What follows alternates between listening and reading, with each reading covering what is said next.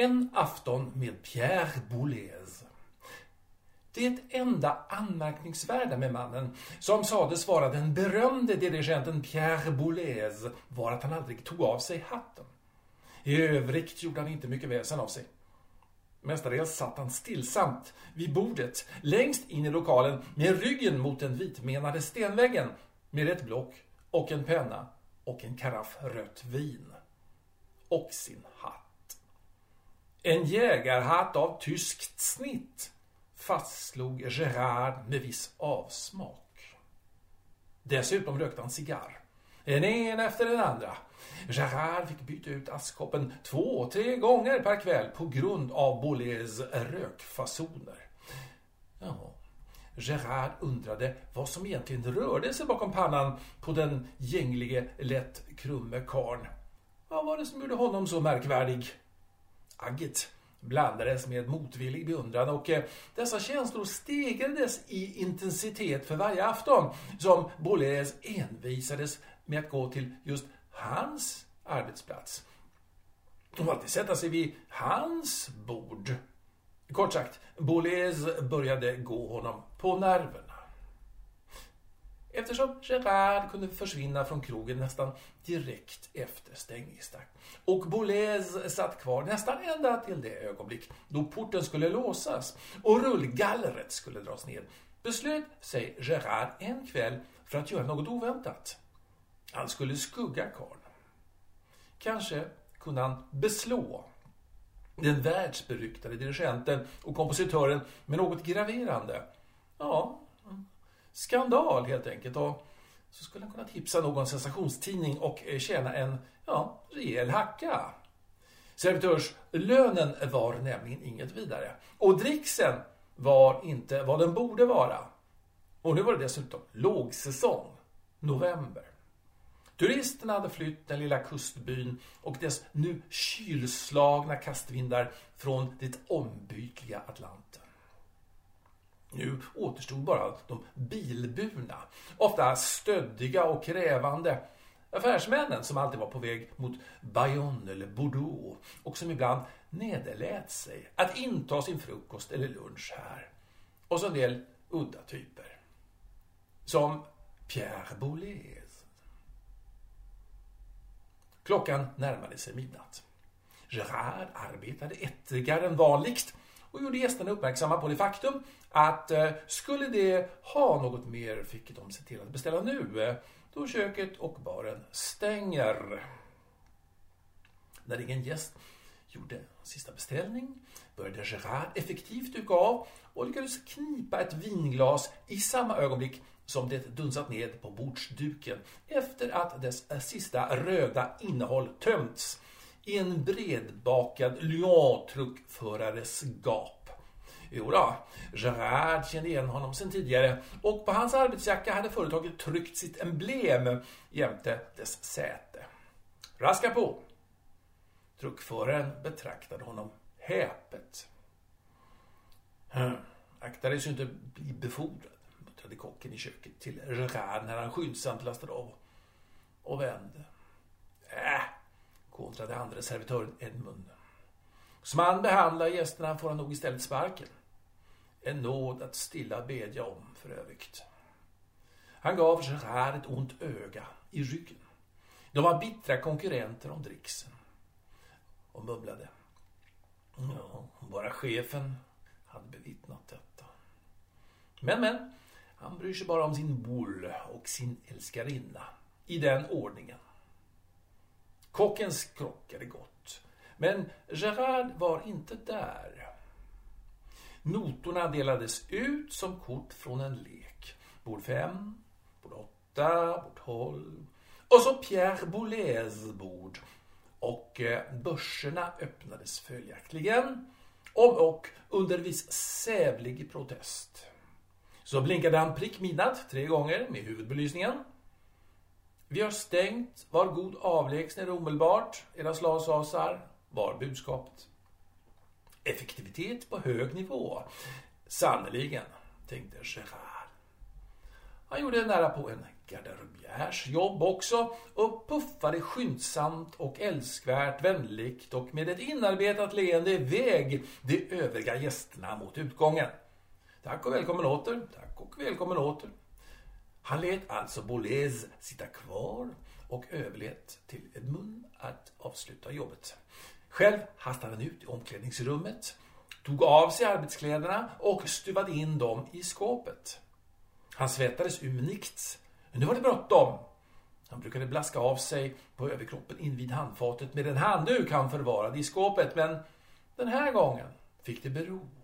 Han drog på sig sin kostym ändå. Tre knappar i skjortan fick räcka. Han, Boles, smita.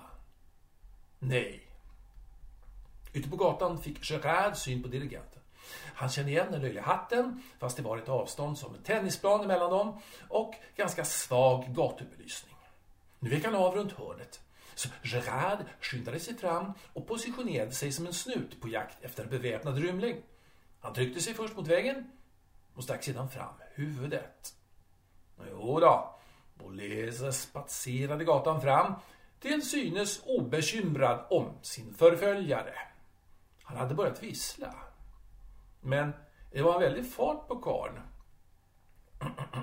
Gerard som, eh, ja, inte direkt hade varit eh, någon mästare eh, när det gällde det hetta med motionen.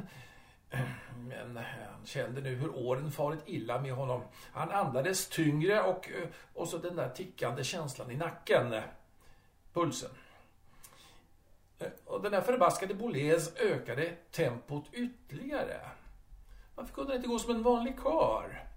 Gerard försökte dämpa ljudet av sitt pustande. Vid ett tillfälle stannade dirigenten upp för att tända en cigarett. Och Gerard fick kasta sig in bakom en åldrig ek för att undgå upptäckt. Promenaden fortsatte. Gerard efter. Men nu hände något intressant. Boulez hade stannat till och pratade med en kvinna. Gerard hade funnit skydd bakom en parkerad brödutkörningsbil. Vem var hon? En prostituerad. Mm. Hon var klädd i en knälång plisserad kjol trots kylan och så hade hon en åtsittande röd jumper. Nu slog de två följe. Och Boulez hade slagit armen om hennes liv. Gerard följer dem som vore han deras skugga. Sen Dominique och sen Boulevard Cicero.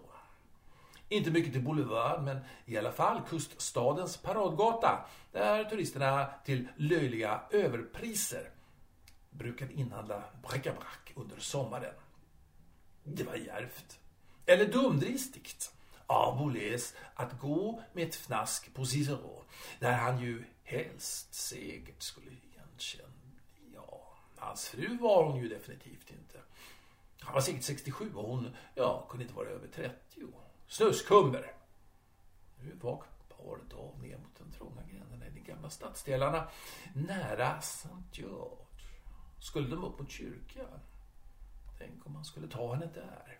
Eh, det vore verkligen något att ge till skvallerpressen. Gerard beklagade sig att han inte haft med sig sin kamera. Katoliken Boulez med neddragna byxor i färd med att lägga ett fnask på en kyrkogård. Mm. Kanske det skulle kunna bli omslaget till Le Temps. Självklart då bara insinuerande och, och eh, citat hänvisande till andra källor, men eh, i alla fall, vilken skandal! Det här gällde ju en världsberömd människa. Gerard smög sig tätare på paret. Han kände hur pirret och upphetsningen gjorde honom modigare och eh, modigare. Nu hade de stannat igen. Men Gerard kunde bara uppfatta vissa fraser och hur de gestikulerade. Inget sammanhang. Då fick han en idé.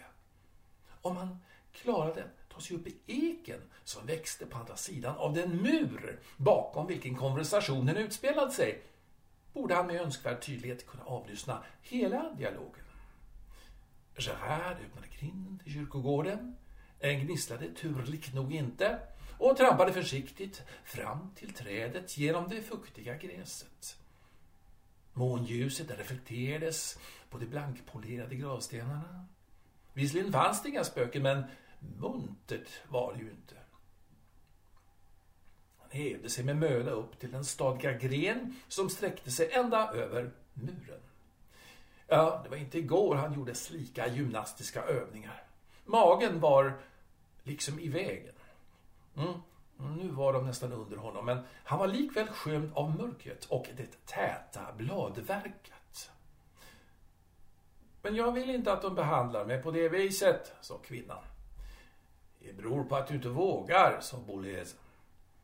Jag kan inte göra mer än att få mer pengar av dig, sa Peng. Men du har ju redan fått 1500 franc, responderade Boulez. Vad var det som var i görningen? Utpressning. 1500 franc är ingenting idag. Det måste du förstå, undersök kvinnan samtidigt som hon fixerade Boulez. Ingenting. Gerard klättrade längre ut. Nu kunde han nästan bekvämt betrakta dem ur fågelperspektivet. Ja, det var tydligt att hon krävde pengar till en abort. Och nu drog hon åt tumskruvarna på den snikne gamle gubben. Min tid var 1500 franc en månadslön, sa Boulez. Din tid var för 1500 år sedan, sa kvinnan med ett sarkastiskt tonfall. Ja jävlar, där fick jägarhatten vad han tålde, fnissade lågmält Gerard i trädet. Du pratar som du har förstånd till, muttrade Boulez förargat. Ge mig åtminstone 500 franc. Jag måste ha 500 franc till imorgon. Annars ska jag minsann göra livet surt för dig. Haha, det var alltså precis som man hade misstänkt. Någon slags utpressning. Gerards hjärta pumpade allt intensivare. Nu märkte han emellertid att hans kavaj på något sätt fastnat på undersidan av grenen. Merd! Han böjde sin smula fram för att undersöka hur han skulle kunna lösgöra kavajen. Ja, han hade faktiskt kostat honom ansenliga 500 franc utan att riva sönder den. Han böjde sig snett framåt och la för sent märke till att han höll på att tappa balansen. Gerard föll tungt rakt framför paret. En rånare! En rånare! tjöt flickan. Mon Dieu! gapade Boulez. Men eh, Gerard var snabb på fötter. Turligt nog hade baken tagit den största smällen, inte huvudet. Han borstade skyndsamt leran från sina byxor. Eh, jag är ingen rånare. Jag är servitör på Christos, fick Gerard fram på ringa ben. Nu känner jag igen er, ropade Boles nästan triumferande. Eh, skit jag Jag förstår nog vad som försiggår här. Eh, det kommer att... Ja, det kommer att kosta en hel del det här. För hela filmen kommer att kosta oss något.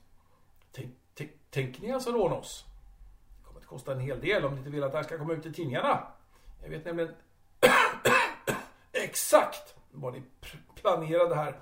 Sa i, i skarp ton samtidigt som han fick en hostattack. Han tänker avslöja vilken idiot du är. Bravo, flabbade flickan. Detta förvånade dock inte Gerard som var beredd på olika reaktioner. Vet ni hur, eh, hur gammal den här flickan är? sa Gerard myndigt till Boulez och pekade på dirigentens sällskap. Ja, det borde jag göra. Det är min dotter. Gerard studsade. Er, er dotter? Ja, det är min dotter Sofie. Hon är 25 år och på tillfälligt besök här. Men men Pierre Boulez har väl aldrig haft någon dotter, sa Gerard förvirrat. Jag har hört att han, han har två söner, men, men ingenting om någon, någon dotter. Pierre Boulez? Den världsberömde dirigenten? Ja. det är mer än vad jag känner till. Det är inte mitt gebit precis. Mitt namn är Petit. François Petit. Matematiker, sa han och lyfte på jägarhatten.